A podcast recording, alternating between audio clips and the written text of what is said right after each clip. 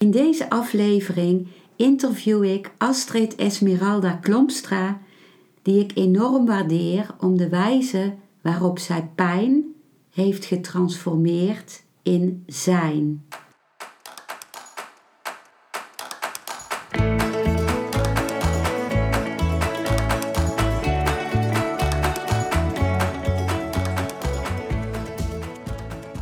Welkom bij een nieuwe aflevering van Modita's podcast Van Pijn naar Zijn. De podcast waarin ik je meeneem voorbij de pijn in je leven naar wie je diep van binnen bent. Hoe kun je beter omgaan met je gevoelens? Hoe vind je rust in je hoofd? Wat zit er precies achter je pijn? En vooral, hoe kun je steeds meer jezelf zijn? Adem eens diep in en uit. Ik wens je veel luisterplezier.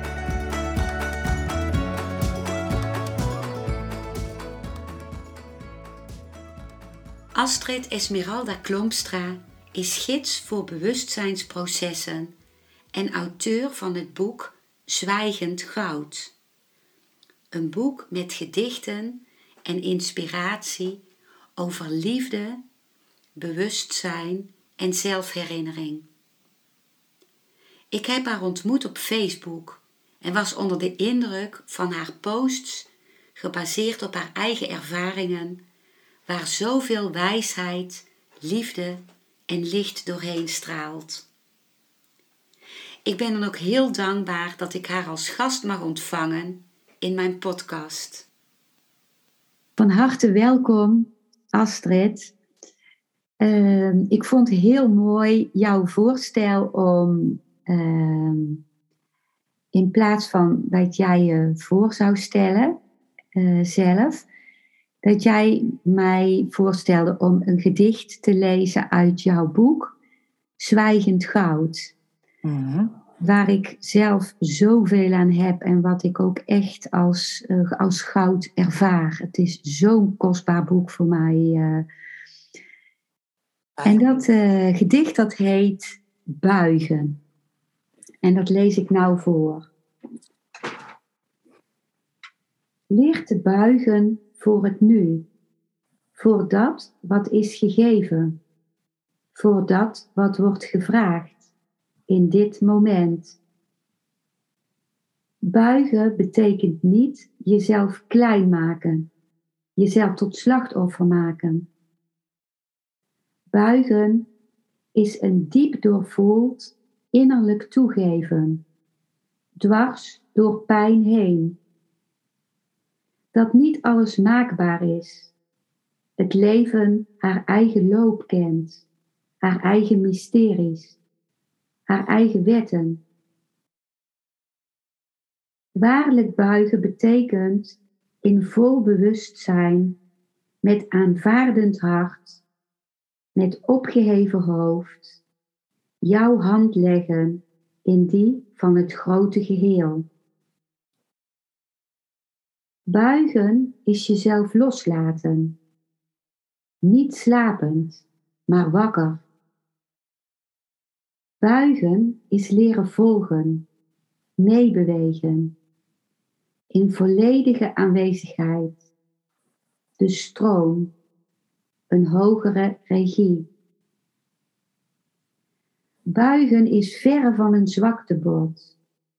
Het getuigt van grote moed en kracht. Waar ons verzet tegen de stroom stagneert, Zet ons buigen haar in beweging.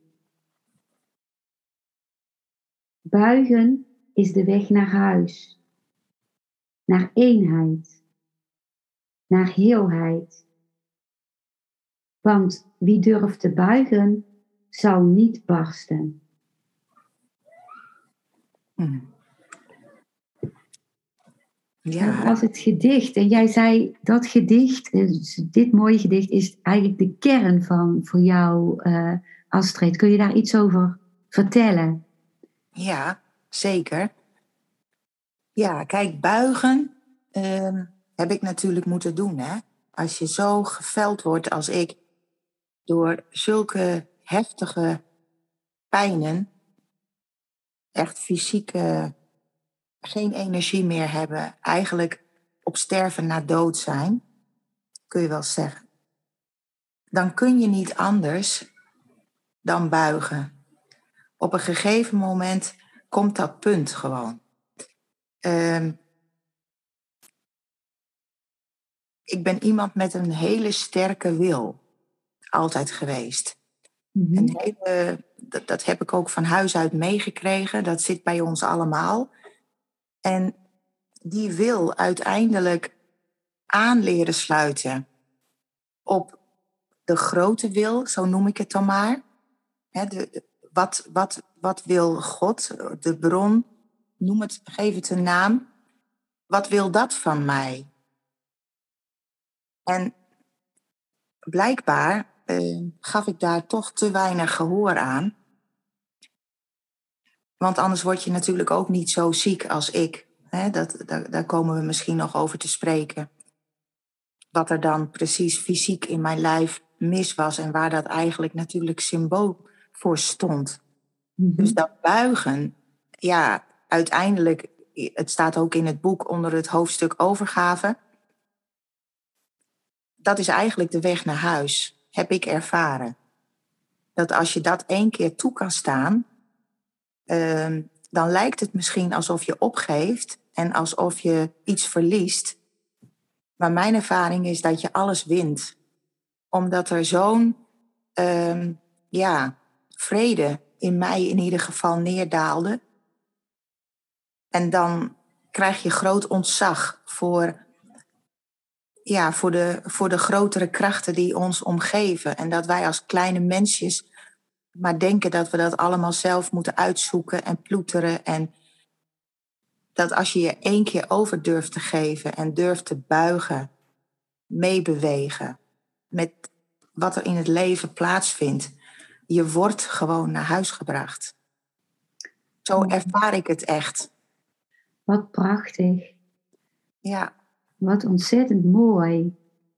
Ja, dit is. Uh, uh, ik ken jou natuurlijk van uh, Facebook in eerste instantie. En ja, ik vind ook zo mooi wat jij in de posts deelt over wat je nu vertelt. ook hoeveel licht daar doorheen straalt. En ik zal ook in de beschrijving onder deze podcast, naast jouw andere gegevens, je website en jouw e-mailadres, ook jouw Facebook naam vermelden. Dat is in feite jouw naam, hè? Astrid Esmeralda Klomstra. Mhm. Dat jij zulke rijke posts deelt ook, naast jouw mooie boek. Dank je. Ja, en ontzettend mooi wat jij deelt. En we komen daar inderdaad op uh, in ons, uh, op, jou, op wat jou is overkomen uh, fysiek. in ons voorinterview vertelde jij dat jij voordat je met de, dat je met de, je vertelde dat je in de kerst van 2015 een darminfarct kreeg. Hè? Daar was al pijn aan vooraf gegaan en nog niet als zodanig onderkend toen. Maar met de kerst uh, nam het enorm toe en toen door dat infarct ben je bijna je hele dunne darm verloren. Maar je vertelde mij dat je al daarvoor het gevoel had dat je nog ziek moest worden. Dat, dat er nog iets moest gebeuren waarbij al jouw houvast uit je handen geslagen zou worden en dat je dan op je plek zou zijn.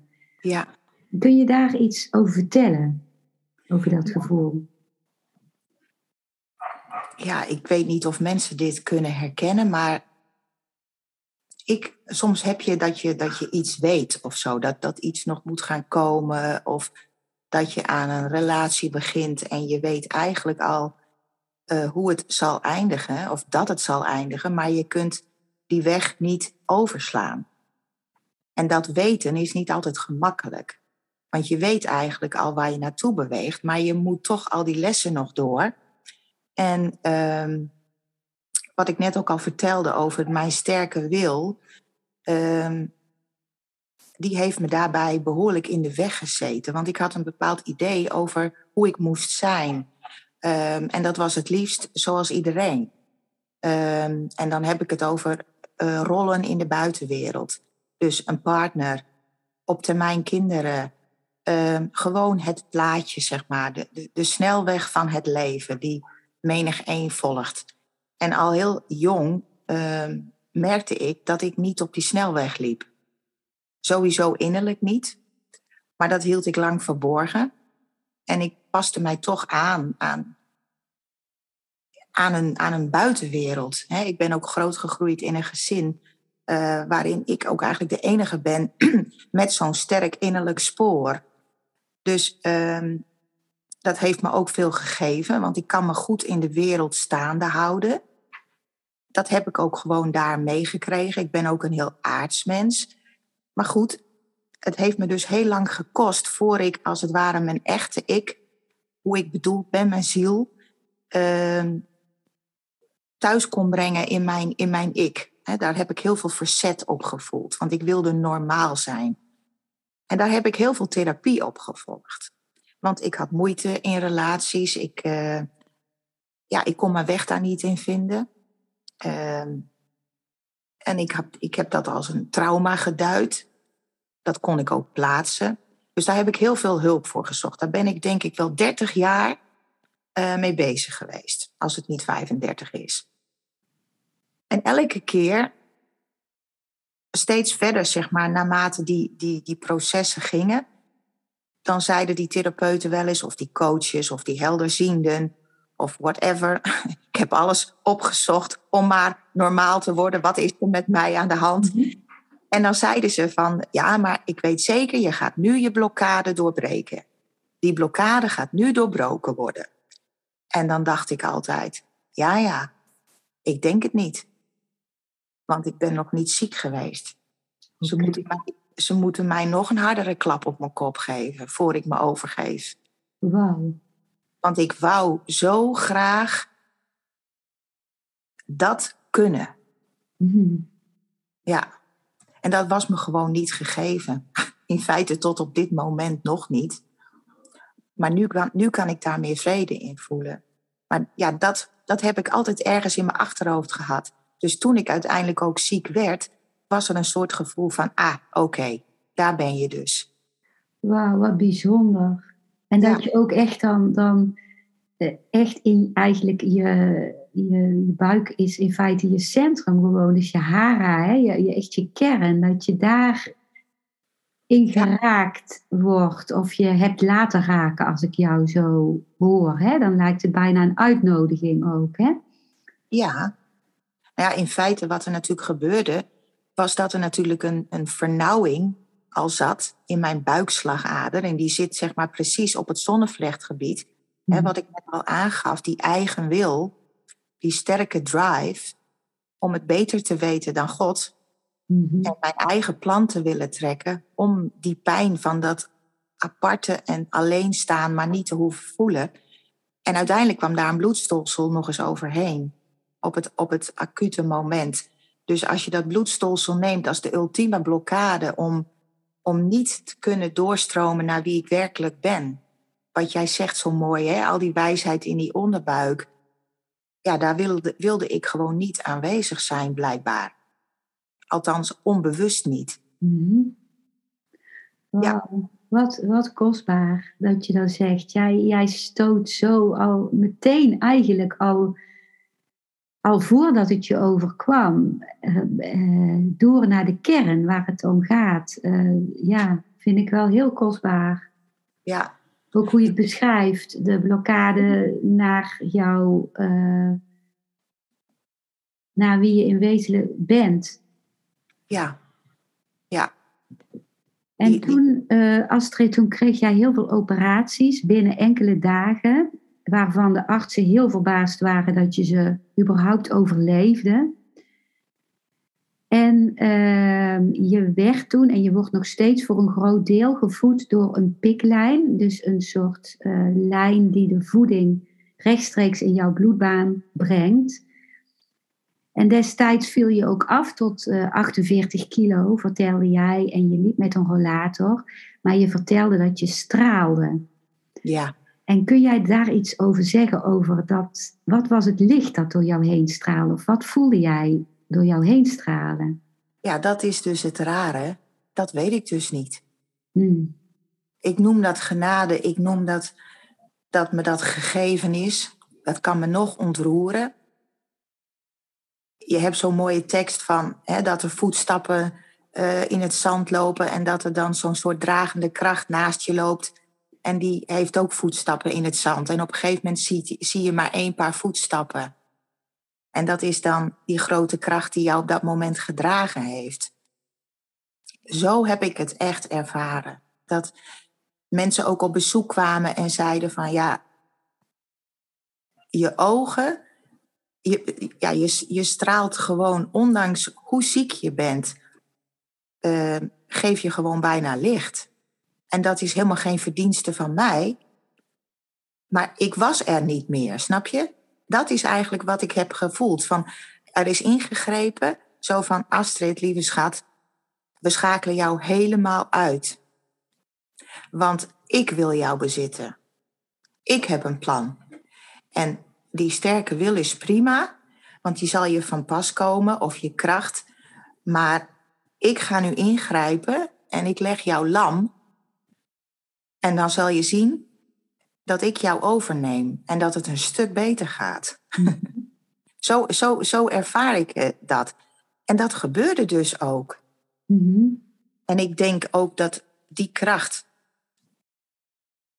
mij gedragen heeft. En op de momenten dat hè, de arts, dat vertelde ik jou ook in het voorinterview, mijn familie riep en zei van ja, al haar organen die hebben nu bloed nodig. En uh, ze worden niet doorbloed, de lever niet. Het, uh, jullie moeten er toch sterk rekening mee houden dat zij dit niet gaat overleven. Dat was de boodschap op eerste kerstdag voor mijn familie. En op tweede kerstdag uh, belde de arts weer op. Ze hadden me ochtends weer opengemaakt. En uh, ja, toen belde die weer op. En toen zeiden ja, er is een wonder gebeurd. We weten niet wat er is gebeurd, maar ze heeft op eigen kracht via de kleinste haarvaatjes alle organen kunnen doorbloeden. En ze is buiten levensgevaar. Dus dat was. En ik voelde gewoon meteen, ja, wauw. Ja, dat was natuurlijk niet dat ik dat voelde, want ik ben acht dagen buiten bewustzijn geweest. Dus ik had er allemaal helemaal geen weet van. Ik werd pas nieuwjaarsdag werd ik wakker. Maar als ik er achteraf op terugkijk, dan denk ik, wat een zegening heb ik mogen ervaren. Wauw. Wat hebben ze het goed met me voor? Goh, wat bijzonder. Ja, om heel dankbaar voor te zijn. Ja, wat is, wat is, wat is dat bijzonder? Ja. Oh, dus echt, ik krijg er gewoon koude rillingen van. Terwijl je me al verteld hebt, maar het komt gewoon weer op een andere manier uh, bij mij binnen.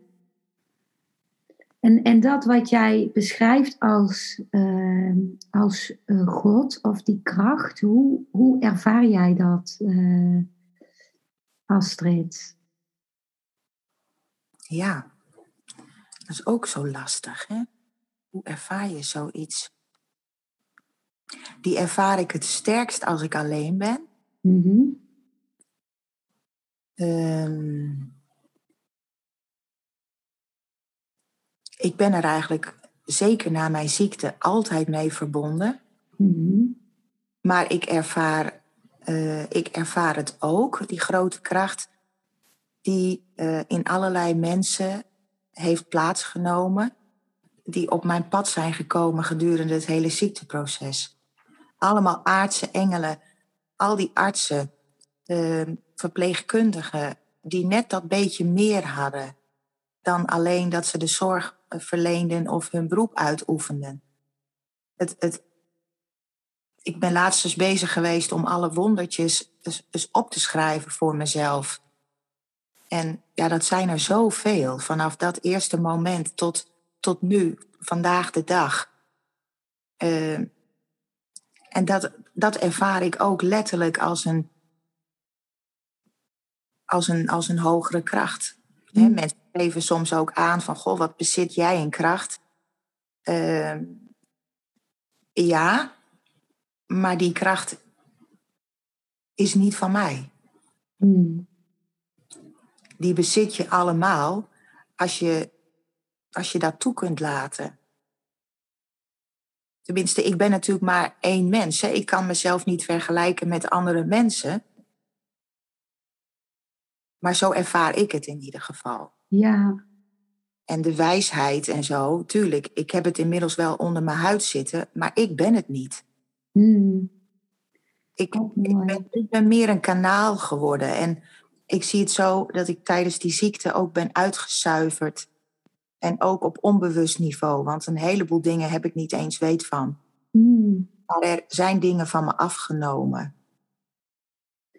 En waardoor ik schoner ben geworden en zuiverder eh, nu ja, de, de boodschappen kan geven die ik geef. Hmm. Ja, want van een van die wonderen eh, beschreef je ook dat bijvoorbeeld eh, jij pas veel later aan de beurt zou zijn, na uren eigenlijk pas voor de scan.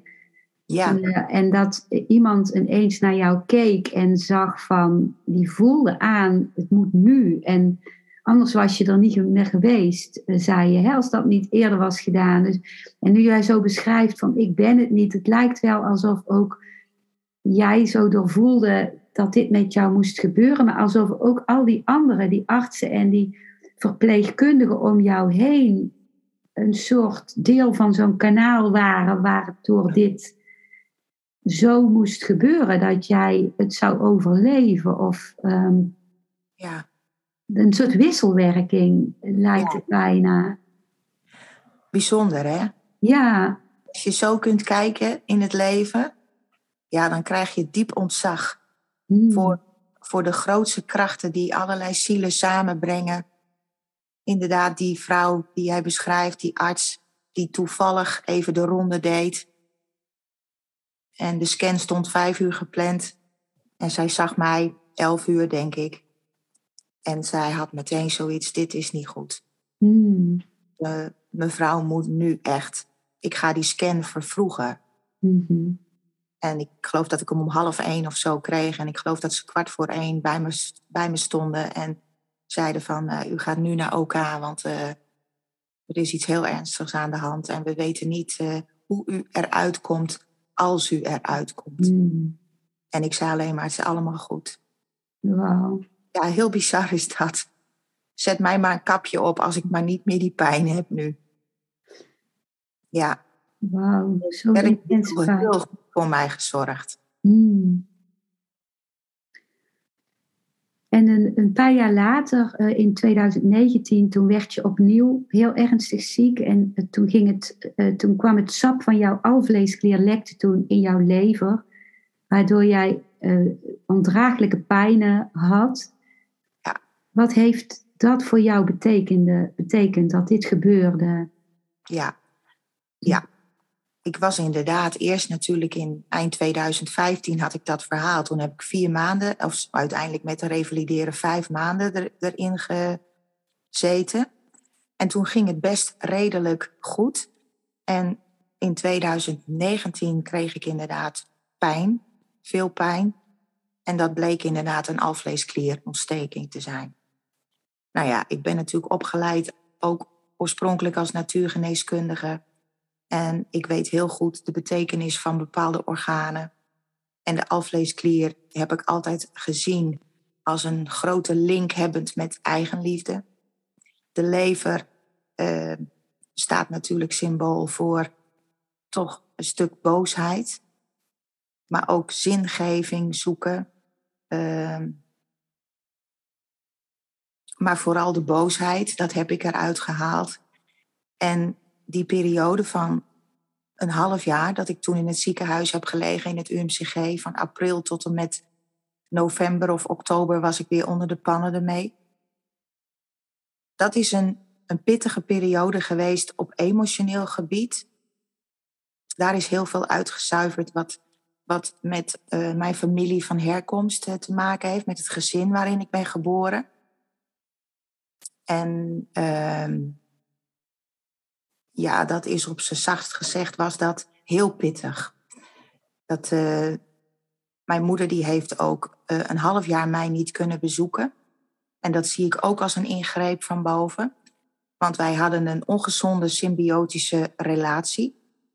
Ehm, waar ik ook nooit van los kon komen. Loyaliteitsgevoelens, terwijl ik erg, eigenlijk heel graag vrij wilde zijn. Het was een te grote belasting soms. En ehm, vooral ook wat ik van haar droeg. Dat voelde ik energetisch. En dat was als een soort stroop die aan mij kleefde. En hoe ik ook mijn best deed om die jas uit te krijgen, het lukte niet. En ehm, mijn moeder was al op leeftijd en ze is inmiddels overleden. Maar die had die periode geen tegoed meer voor haar taxibus. Het vervoer op maat heet dat dan. En die kon dus gewoon een half jaar lang niet bij mij komen. En dat heeft mij de tijd gegeven om, ehm, om dieper naar mijzelf te kunnen gaan. Om achter mijzelf te gaan staan in plaats van achter, maar het is ook zo sneu voor mijn moeder. Of, ehm, nou, en dan heb ik een zusje. En dat, ja, de, de familiedynamiek was daardoor ook een beetje, beetje lastig. En uh, dan zeg ik het ook nog uh, voorzichtig. Daar heb ik zeer onder geleden. Dat kan ik mm. zeggen. En dat kwam daar tot uiting. Mm-hmm. Dat, uh, en ik heb het zo uitgelegd dat ik eh, ja, altijd mezelf afwees eigenlijk. dus die boosheid die, die eigenlijk gewoon terecht was, omdat niet iedereen op de juiste plek stond, die heb ik naar mezelf gericht. En vandaar die verbinding um, alvlees, klier, lever. Oké. En dan komt ook weer terug het zo graag normaal willen zijn. Het zo graag ook mee willen kunnen gaan in die gewone gezinsstructuur bijvoorbeeld. Mm. Altijd toch die eenling zijn en dat ook, en dat ook letterlijk terugkrijgen wij begrijpen jou niet. Jij bent ander. En dus ook echt een wij en een ik. Nou, en op dat moment uh, ja, heb ik de rust mogen ontvangen. Maar heb ik zoveel pijn gehad. Dat ik, uh, denk ik, met regelmaat naar de, noemen ze de PACU. En daar spuiten ze je helemaal plat. Mm En uh, ja, ik zie het ook als immens pijn die daar heeft mogen helen. Zo. Ja, want het was natuurlijk wel fysiek, maar het was ook zo diep emotioneel. Dus ik heb psychologen aan mijn bed gehad. Ik heb de psychiater aan mijn bed gehad. Die mij zo'n interessante casus vonden dat ze me gratis een heel traject aanboden. Dat ik, uh, als ik, toen ik me enigszins kon lopen met mijn rollatortje naar de kamer mocht van de psychiater, waar ik mijn hele biografie mocht vertellen dat iemand dat weer gebruikte voor een stage. Waardoor ik helemaal los kon komen van oude systemen en met een hele nieuwe blik. En het ging allemaal om mij. Er alles zorg was voor mij. En dat was diep ontroerend. Wauw. Dat, dat, dat, ja, dat stuk, dat, dat was gewoon nog nooit, uh, had ik nog nooit beleefd op die manier. Wauw. Het is wel heel bijzonder wat je vertelt, dat jij in het ziekenhuis eigenlijk ja, zoveel voeding ontving, zowel letterlijk via de piklijn, de voeding in jouw bloedbaan en de, psychische voeding je nodig had. En dat je van, van eigenlijk van heel sterk van alles willen, vanuit jouzelf ging naar ontvangen. Uh, uh, ja, en ook vind ik heel bijzonder nu ik er nu naar luister, dat eerst dus uh, in de kerst van 2015 ook de bloedvaatjes, mm, de bloedflow geblokkeerd was, ook naar de lever en de alvleesklier. En dat je dat dan op dat moment weer zelf kon openen, blijkbaar. En dat je daarna, vier jaar later, alsnog daar naartoe geleid wordt. Uh, ja, pijn eigenlijk, hè? Ja. Ja, inderdaad. Ja. Ja, ja heel ingenieus. En ja. dat heeft, heeft, mij ook geholpen om te beseffen wat er daadwerkelijk gebeurde in mij. Mm. Dat heb natuurlijk niet aan iedereen verteld in het ziekenhuis, maar ja, het aantal artsen wat bijvoorbeeld ook meer kon zien, uh, die kwamen weer aan mijn bed. En daar had ik gesprekken mee en ze stonden daar zo voor open. En Wat bijzonder. ja, echt hoor. Dat heb ik althans in het UMCG echt zo ervaren. Daar lopen veel, lopen veel engelen rond. Althans, ik heb ze aan mijn, aan mijn bed mogen ontvangen. Wat mooi zeg. Ja, en die hebben allemaal bijgedragen aan mijn heelwording. Wat mooi.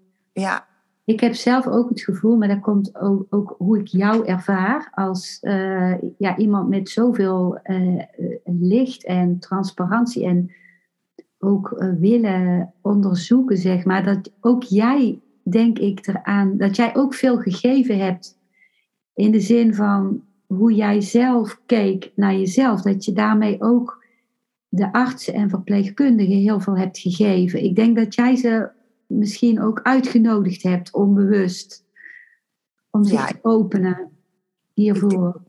ja. Ik denk dat dat gewoon mijn tweede natuur is. Want ondanks hoeveel pijn ik had, ehm, ja, je hebt dan ook zo'n mooie uitspraak van de, de gewonde healer, hè? de wounded healer. Mhm. Ja, dat is echt wel op mij van toepassing. Eventjes een onderbreking van mijn kant. In de komende 2,5 minuut is er een bijgeluid, dus hoor je een storing. Maar wat Astrid deelt is zo kostbaar dat ik dit stukje erin heb willen laten. En na 2,5 minuut is het geluid weer normaal. Ik hielde mijzelf ook weer als ik, als ik weer ruimte had voor, voor iemand anders. En dat heeft me altijd, is me dat blijven boeien. Waar iemand mee zat, een verpleegkundige of dat, dat was mij niet te veel of zo. Dat, dat was fijn. En ik Mm. weet nog dat ik eh, twee hele bijzondere artsen had eh, in opleiding, maar die eh, kwamen elke dag. En omdat ik daar natuurlijk zoveel maanden lag, ja, ontstond er echt een hele goede band. En ehm, de laatste arts, die, die werd zelf op een gegeven moment getroffen door een hele rare bacterie of een virus, ik weet het niet, waardoor hij een aangezichtsverlamming kreeg en heel veel pijn had. En ik miste hem op een gegeven moment. Ik zei, goh, waar, waar is deze arts? Ja, die heeft zelf iets. En eh, die is zelf ziek. En op enig moment, na een aantal weken, zag ik hem weer. En ik zei, ah, wat fijn, daar ben je weer. Maar ik zag wel dat zijn oog hing en zijn mond aan één kant nog hing.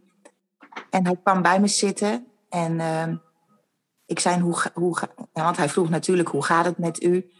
En eh, nou, dat vertelde ik. En toen zei ik, maar hoe gaat het nou met u? En eh, toen zei hij ook hoe het met hem ging. En toen zei hij, weet u, ik heb vaak midden in de nacht wakker gelegen van de pijn. En dan ging ik maar naar beneden op de bank zitten. En dan dacht ik aan u. Dan dacht ik, mevrouw Klomstra heeft ook zoveel pijn. Zij kan het dragen, ik kan het ook dragen. En we hadden allebei de tranen in de ogen. En ik zei ook tegen hem, ik zeg, goh, u zult nog, nog een betere arts worden hierdoor. U bent al zo'n geweldige arts, maar dat u ook nou zo gelouterd wordt. Ja, je krijgt zulke mooie, diepe contacten. Prachtig. Mm. Ja. Dat stond verreweg bovenaan qua ervaring. En al die keren dat ik naar die Pacu werd gereden, ach, dat vergeet je. Wat mooi. Eh, terwijl de artsen aanvankelijk dachten dat jij nooit meer zou kunnen eten, heb jij altijd het gevoel gehad dat jouw lichaam zich van binnenuit zou kunnen helen. Kun je daar iets over vertellen? Ja, dat, dat- ook dat is weer zo'n zo'n gevoel. Zo'n sterk gevoel. En ja, hoe, hoe, hoe kom je bij zulke dingen? Hè? Dat, dat is toch lastig te zeggen. Kijk, ik had, toen ze mij in het begin hadden geopereerd, bestond ik in feite uit twee losse delen. Nou, hoe mooi wil je het hebben? Hè? Er was geen verbinding meer. Want ze hadden die dunne darm, die hebben ze er natuurlijk tussenuit geknipt, die helemaal was afgestorven. En toen hebben ze als het ware een, bij de twaalfvingerige darm hebben ze zeg maar de weg dood laten lopen. En ik kreeg een soort maagzak. Dus als ik dan eens een keer wat water dronk, dan kwam dat ook gewoon direct in die maagzak. En in die onderbuik lag als het ware dat laatste stukje dunne darm wat ik nog over had. wat vastzat aan een op zich goede dikke darm. En dat lag werkeloos in die buik. Dus dat idee van je zou nooit meer kunnen eten, ja, dat, dat was natuurlijk ook zo. Want je kan, er kan geen eten door zo'n slangetje in, naar die maagzak. Er was gewoon simpelweg geen connectie. Dus toen kwamen ze in het begin ook met het idee van een dunne darmtransplantatie. Dat zou de enige uitweg zijn.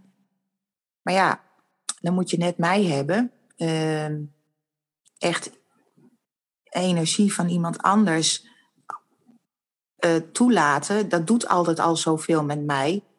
En dan ook nog een heel orgaan van iemand in mij opnemen. Maar goed, ik, ik denk, ik laat het los, ik zie het wel. Maar uiteindelijk was er dus een arts die voorstelde om een continuïteitsoperatie te doen, dus een verbindingsoperatie. En dat was natuurlijk ook weer zo'n mooie metafoor. En toen werden als het ware de twee losse eindjes aan elkaar vastgemaakt, chirurgisch. En uh, toen was er weer een verbinding. En kon er dus eten in en eten uit. Alleen dat dunne darmpje van mij, dat was zo dik als een piertje. Dat had een hele kleine doorsnede. Dus de arts zei ook, je mag echt alleen maar vloeibaar eten. Want als je nu een ertje eet, ja, dat kan al fataal zijn. Maar uiteindelijk heeft zich dat dus helemaal opgerekt. En kan ik inmiddels alles eten. Wat ik ook heel graag doe. Want in die periode dat ik niet kon eten, ben ik dus verslaafd geraakt aan koken. Ik was nooit zo'n kok, zo'n kokkin. Maar ik werd helemaal gek van eten koken. Ik las recepten. Ik keek alleen maar naar Masterchef. Ik, iedereen moest bij mij komen eten. Ik heb mezelf dat helemaal aangeleerd. Ik denk dat dat mijn manier was om met eten bezig te zijn. Ik had natuurlijk geen idee wanneer iemand vol zat. Dus ik gaf ze borden vol met eten. En ja, weet je, maar ook dat was weer zo symbolisch. Mijn drang om anderen te willen voeden. Maar op enig moment, toen de verbinding werd gemaakt, toen ging ook als vanzelf dat weg. En toen ging het om, maar nou gaat het om voeding voor mij. En mijn moeder zei toen ook van, ja, je kookt ook niet meer zoveel voor me. Ik zei, nee mam, ik, ik kan mijn energie maar één keer weggeven. En dat gaat nou voor mijzelf. Ik hmm. kook voor mijzelf. Mm. dus allemaal van die mooie symboliek. Ja. En dat ik geen voedingsstoffen zou kunnen opnemen. Hè, dat, werd ook gezegd, je zal levenslang afhankelijk blijven van deze uh, voeding. Want met zo weinig dunne darm heb je gewoon geen capaciteit om voedingsstoffen op te nemen. Dus het eten, dat is wel leuk, maar dat is puur voor het lekker en sociaal. Maar qua voedingsstoffen moet jij die, die voeding hebben. Ik denk, oké, ja, dat snap ik. Want ik heb bijna ook het kortste dunne darmpje in Nederland van het hele darmfalen-team. Dus ik heb nog maar 35 centimeter over. Maar het is me toch op een of andere manier gegeven dat ik dus wel voedingsstoffen opneem. Zo. Want inmiddels zit ik niet meer op 2 liter voeding per nacht, maar zit ik al op een liter. En ik, en ik kijk dan gewoon elke keer eh, of mijn gewicht goed blijft. En 2 liter vocht heb ik al naar 1 liter vocht terug kunnen brengen. Dus we zullen zien waar dit eindigt. Wat bijzonder. En of het me gegeven is dat ik hier inderdaad op een dag helemaal vanaf zou kunnen komen. Wat bijzonder. niet aan mij, hè, dat is, ja, als dat mag, dan mag dat. Wauw heel, zo, zo wonderlijk vind ik dit. Dat uh, die helende kracht die dan, dus nadat jij alle boodschappen hebt verstaan eigenlijk uh, van jouw lichaam en dat dan ook die helende, hele helende kracht dan alles weer gaat herstellen, zeg maar. Hè? Dat, dat vind ik zo prachtig.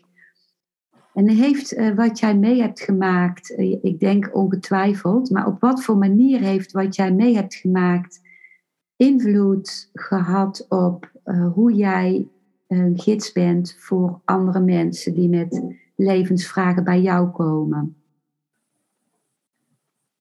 Ja.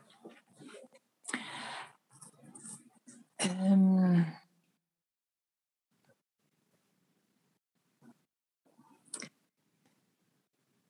ik ben denk ik een, een, een wat meer een, een voller mens geworden in mijn ervaring, in mijn levenservaring. Wat, wat rijker, wat ouder, wat wijzer. Uh, waar ik altijd wel heel goed verbanden kon zien tussen van alles en nog wat. En een kei was in associëren wat er uh, en aanvoelen wat er eigenlijk met iemand aan de hand was. Uh,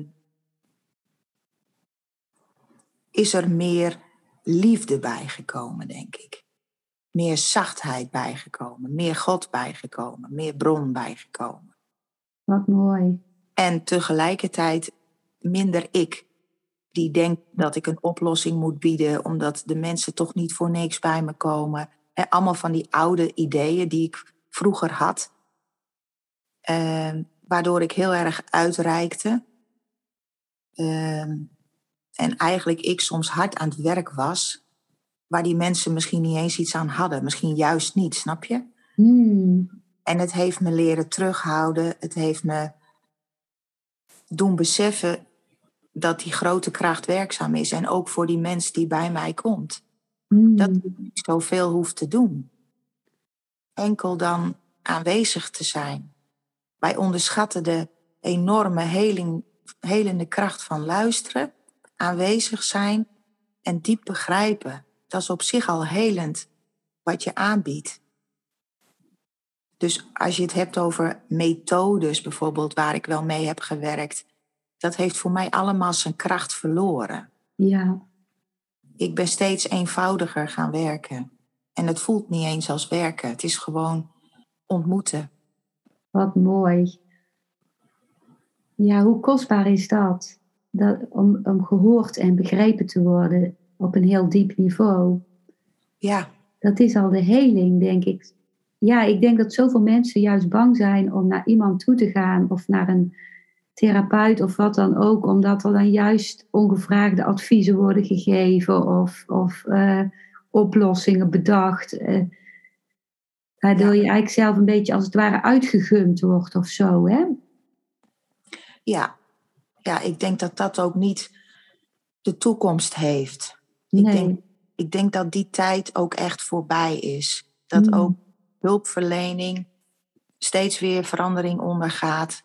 En dat steeds meer mensen beseffen waar het over gaat. En uh, ja, Mm. er zullen nog mensen zijn die zich daartoe aangetrokken voelen. De mensen ook denkt in een quick fix misschien. Mhm. Of ook graag een oplossing wil. Hè, van zeg me wat ik moet doen. En moet ik drie rondjes om de kerk lopen, dan doe ik dat. Ben ik er dan van af? Mhm. Die mensen zullen ook veel hebben met doelen. Doelen stellen. Ja, Dat, dat, zo, zo werk ik helemaal niet. Nee, nee. Als je beseft dat er geen doel is, dat je al goed bent zoals je bent. Wat ik ook heb mogen ervaren. Juist zo goed bent als je bent. Ja, het is zo eenvoudig eigenlijk om elkaar thuis te laten komen. Wat mooi. Wauw, wat een mooie zin. Die schrijf ik even op. Op. Want uh, het is zo eenvoudig om elkaar thuis te laten komen. Prachtig. Vind ik ook zo mooi in de herfst zo en naar de winter toe, deze zin. En uh, nu even over jouw uh, boek. Want uh, jouw boek Zwijgend Goud, wat ja, zo schitterend is. Zowel als, zoals het eruit ziet, zoals het vormgegeven is, maar vooral ook de inhoud. Ik heb echt zitten huilen toen ik het boek las. Of toen ik uit het boek las, want ik heb nog lang niet alles gelezen. Maar omdat het zo diep raakt. Dat elk iets heeft tijd nodig om in te dalen ook. Mhm. En wat mij ook raakte was uh, jouw Facebook-post over waarin ik zag dat jij dat talent al had toen je nog heel klein was. Een heel klein meisje. En toen had jij een leraar, uh, met meneer Landman, die Ja. jouw poëtische kijk en jouw poëtisch talent zag. Kun je daar nog eens iets over vertellen, hoe dat ging? Ja, ja, dat was inderdaad iets wat laatst in herinnering kwam. En ik dacht, goh, ik ga dat uh, eventjes op Facebook zetten. Want het is eigenlijk zo'n mooi verhaal. Ja, ik denk, ik was twaalf. Ik ben een vroege leerling. Ik ben van september. Dus nou, ik was nog heel jong en helemaal niet aanwezig eigenlijk. En in de eerste klas van de middelbare school, leraar Nederlands, meneer Landman. Uh, ja, we moesten een spreekbeurt voorbereiden. En uh, ja, ik had geen idee waar ik mijn spreekbeurt over moest houden. Dus uh, ik denk, ja, wat, wat is nou een leuk onderwerp? Uh, vliegtuigen of over een bepaald dier. Nou, ik, het kwam niet in me op. En op enig moment loop ik in het bos met mijn familie en het is herfst. Ik zeg, goh, zal ik mijn spreekbeurt over de herfst houden? Mama, is dat een leuk onderwerp? En mijn moeder, enthousiast als ze was en altijd even positief. Um, ja, dat is een prachtig onderwerp, doe dat maar. Dus wij lopen door het bos en, en elke keer weer kwamen de zinnen bij. En over de kastanjes en over de bladeren. Nou, ik weet het niet eens meer. Maar elke keer moest ik dat weer repeteren. En uh, oma op haar dode akkertje was ook mee. En iedere keer moesten ze op het bankje zitten. En dan zei ik, ja, ik ga mijn spreekbeurt weer houden. En dan stond ik daar voor dat bankje. Nou, ik denk dat ik het wel tien keer of zo heb, uh, heb mogen oefenen. Dus nou goed, de dag brak aan dat ik de spreekbeurt moest houden in de klas. Natuurlijk super zenuwachtig. En uh, nou, meneer Landman, hele lieve, rustige man. Met, uh, ja, dat, dat, dat, is een hele bijzondere man. In mijn ogen was hij al bijna met pensioen. En hij had een hele grote bruine regenjas altijd aan. Dan kwam hij op zijn dode akkertje aanfietsen. Dan zag ik hem wel. En dan dacht ik altijd, er straalt zo'n rust uit van die man. En uh, ja, hij had ook heel bijzonder haar, want hij was kaal op zijn, op zijn hoofd. Maar aan de zijkanten, bij zijn oren, groeide dat haar. En dat had hij dus heel erg lang laten groeien. en altijd als hij op school kwam en door weer en wind had gefietst, dan kamde hij als het ware die twee lange slierten. Die kamde hij daarachteren, zo, in een futenkuif. Nou, het was iedereen had er ook altijd hilariteit om. Maar goed, die meneer Landman, die had dus tijdens die spreekbeurt mooi rustig achter in de klas gestaan, handen op de rug. En uh, af en toe had hij wat naar me geglimlacht. En het einde van die spreekbeurt is natuurlijk altijd: uh, Dit was mijn spreekbeurt, zijn er nog vragen? Nou, niemand had natuurlijk een vraag. Dat snap je wel, wat kan je nou over de herfst vragen? Dus ja, ik denk, nou, ik ga maar gauw uh, zitten dan. Dus ik wilde eigenlijk naar mijn tafeltje lopen. En meneer Landman onderbrak mij en die zei: nou, Astrid, ga nog maar even terug. Wat een uh, mooie spreekbeurt uh, was dit. En uh, ik heb wel een vraag voor jou. Zou jij voor mij de seizoenen eens dichterlijk kunnen beschrijven? Ja, hij sprak het ook zo gearticuleerd uit, hè? En ik had zoiets, ik weet dat nog, van, oh, wat een gave vraag. Ehm, dus ik ging daar staan en geen enkel idee meer hoor, wat ik destijds gezegd heb hoe ik dat heb beschreven. Maar het kwam ook toen vanzelf. En uh, ik weet nog dat hij uh, achter stond en dat hij uh, klapte. En dat hij zei, heel mooi, zei hij, je krijgt een negen. En ja, dat, dat, dat heb ik ook op Facebook geschreven. Dat ik nog eens zou hopen, want in mijn boek Zwijgend Goud, in het hoofdstuk Liefde, staat ook een gedicht dat heet Seizoenen. En ik denk, goh, wat zou ik dat nog leuk gevonden hebben om deze man dat gedicht uh, te laten zien. En hem te vertellen hoe hij dat zaadje in mij geplant heeft, eigenlijk 40 jaar geleden. Dat, dat, dat zijn ook weer van die mooie gidsen op je pad eigenlijk, hè? Wauw.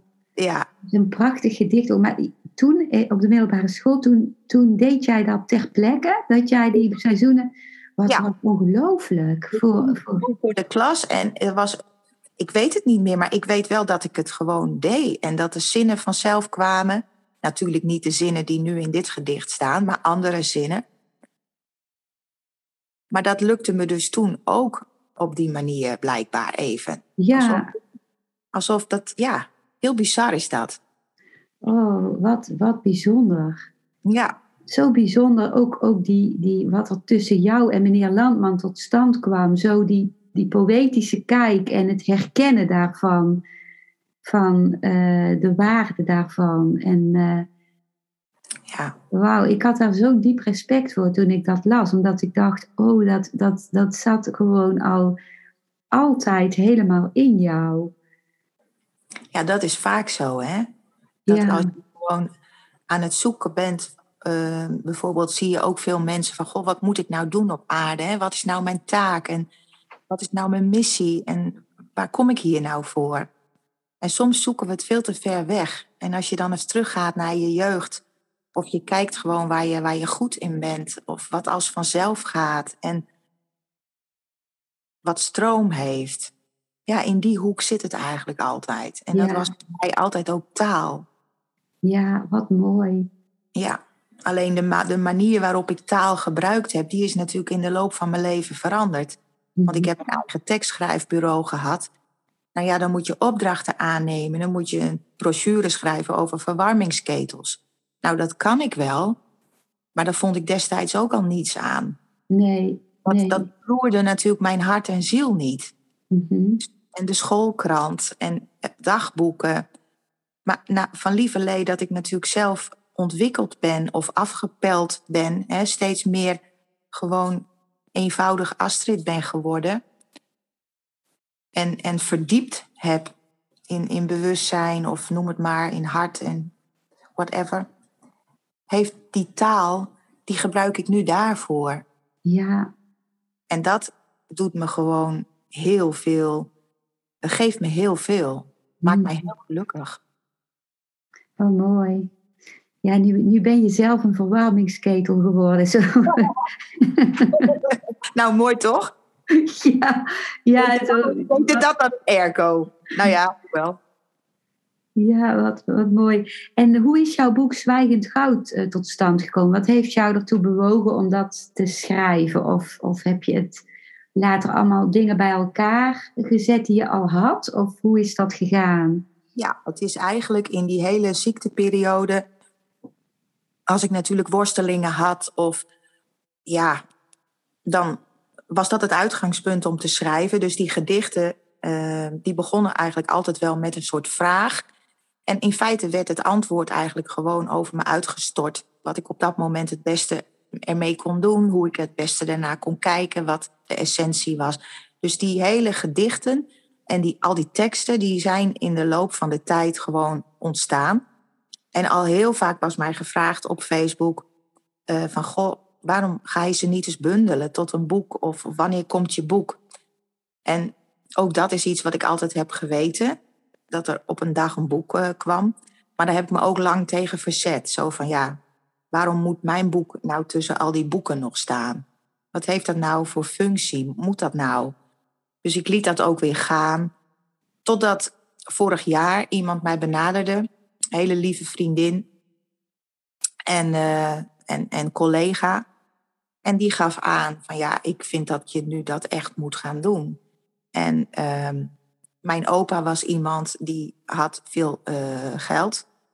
En die ondersteunde altijd goede initiatieven. Dat vond hij mooi, wat hart en ziel had voor hem. Daar gaf hij een bijdrage aan. En ik wil die traditie voortzetten. En ik wil uh, gaan zorgen dat jij dit boek kunt gaan maken, want ik ga dat betalen. Hmm. Nou ja, toen kon ik natuurlijk niet meer anders. En dat was, dat was zo'n signaal dat ik dacht: oké, uh, dan, dan ga ik het nu doen. En toen is het formatieproces begonnen om het samen te voegen. En er zijn nog wel stukjes bijgekomen. Maar ja, zo is het eigenlijk uh, in de vorm gekomen. Maar jouw opa kan toch niet meer leven nu? Of, of, uh... Niet mijn opa, dat de opa van die, uh, van die, van, van die vriendin. Oh, van die vriendin. Voor mij betaald had. Die haar opa, die ondersteunde altijd culturele, uh, wow. mooie literaire dingen. En daar gaf hij geld aan. Ja. Nou, en ik wil die traditie van mijn opa voortzetten. Ja. Ik ga dat ook doen. En wat jij doet, heeft hart en ziel, raakt hart en ziel voor mij. Dus ik ga dat gewoon doen. Wat mooi.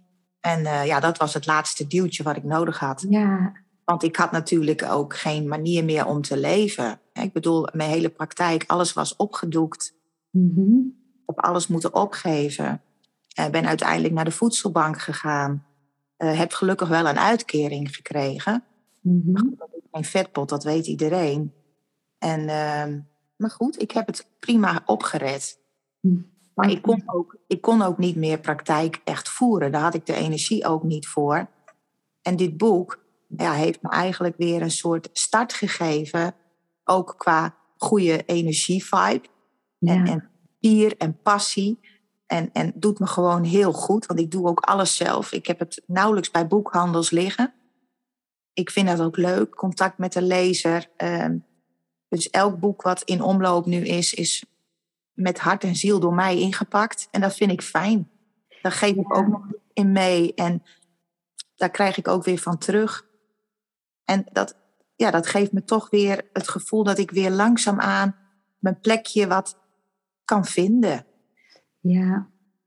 Ja. ik vind het zo mooi. Echt, als je het binnenkrijgt, het boek is zo prachtig ingepakt. En ook, ook zo mooi met een harde kaft en met uh, zo'n mooie gouden mond, zwijgend goud. En ja. Het is een juweel om in je hand te hebben. Dus ik, ik, ja, het lijkt mij ook met zo'n diepgaande gedichten en uh, teksten. Het, het, het mooiste geschenk wat je maar aan iemand kunt geven nu Sinterklaas eraan komt en, en, vooral, en kerstmis ook. Om ook als iemand, aan iemand te geven als geschenk of aan, als een geschenk voor jezelf. Zo ervaar ik het zelf wel. Ik ben heel dankbaar dat ik het al aan iemand anders heb kunnen geven. En ook dat ik het zelf heb uh, mogen ontvangen. En uh, ik ga ook zeker de link naar het boek uh, onder, in de beschrijving onder deze podcast uh, zetten. En ook jouw e-mailadres en jouw website.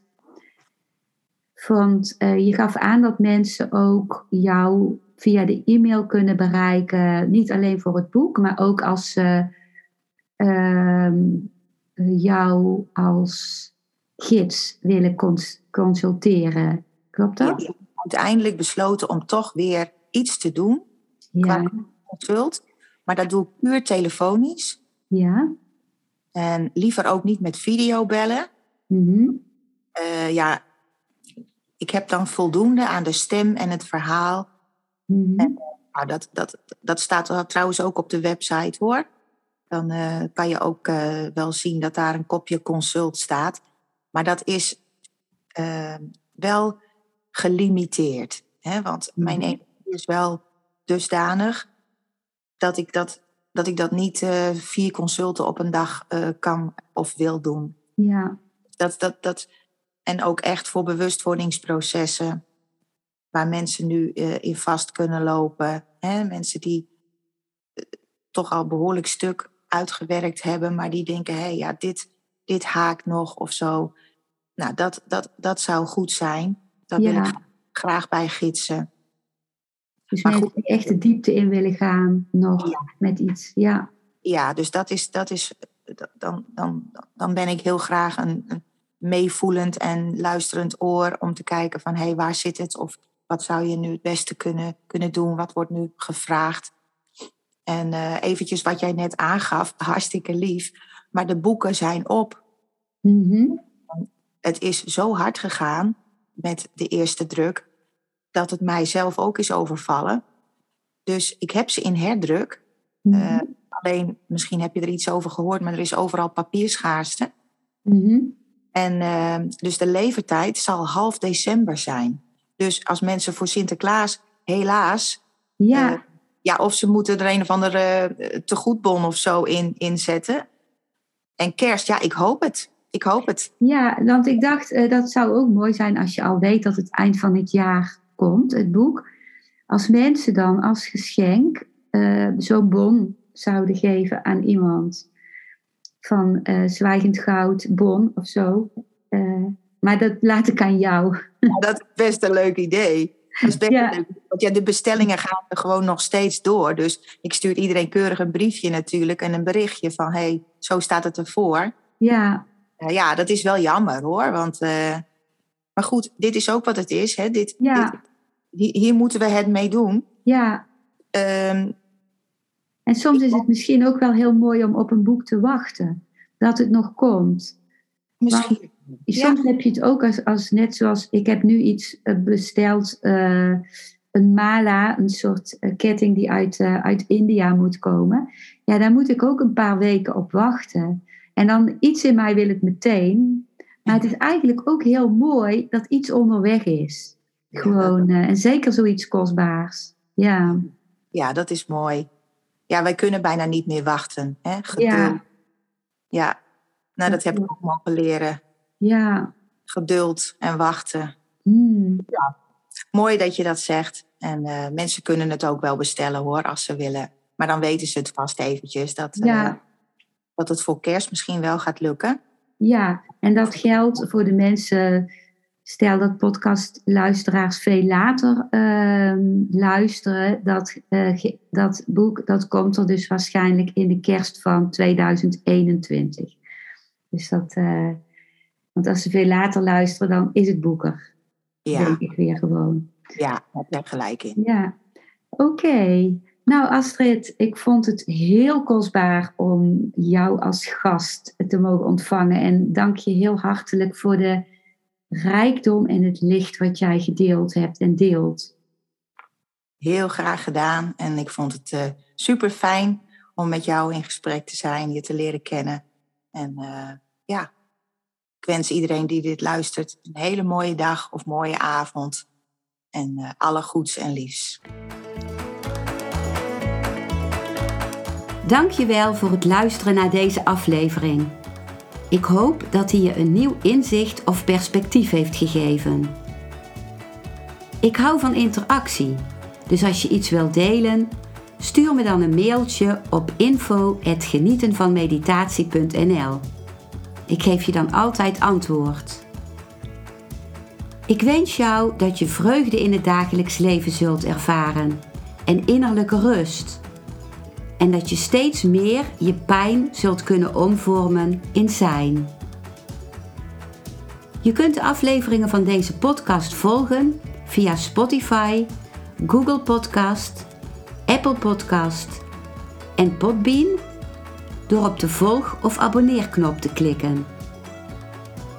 Als je luistert via de Apple Podcast, dat kan alleen als je een iPhone hebt, heb je een extra voordeel omdat als je op de knop abonneren klikt, je steeds een berichtje op je mobiele telefoon ontvangt als er weer een volgende aflevering van mijn podcast verschijnt. Je bent van harte welkom bij die volgende aflevering.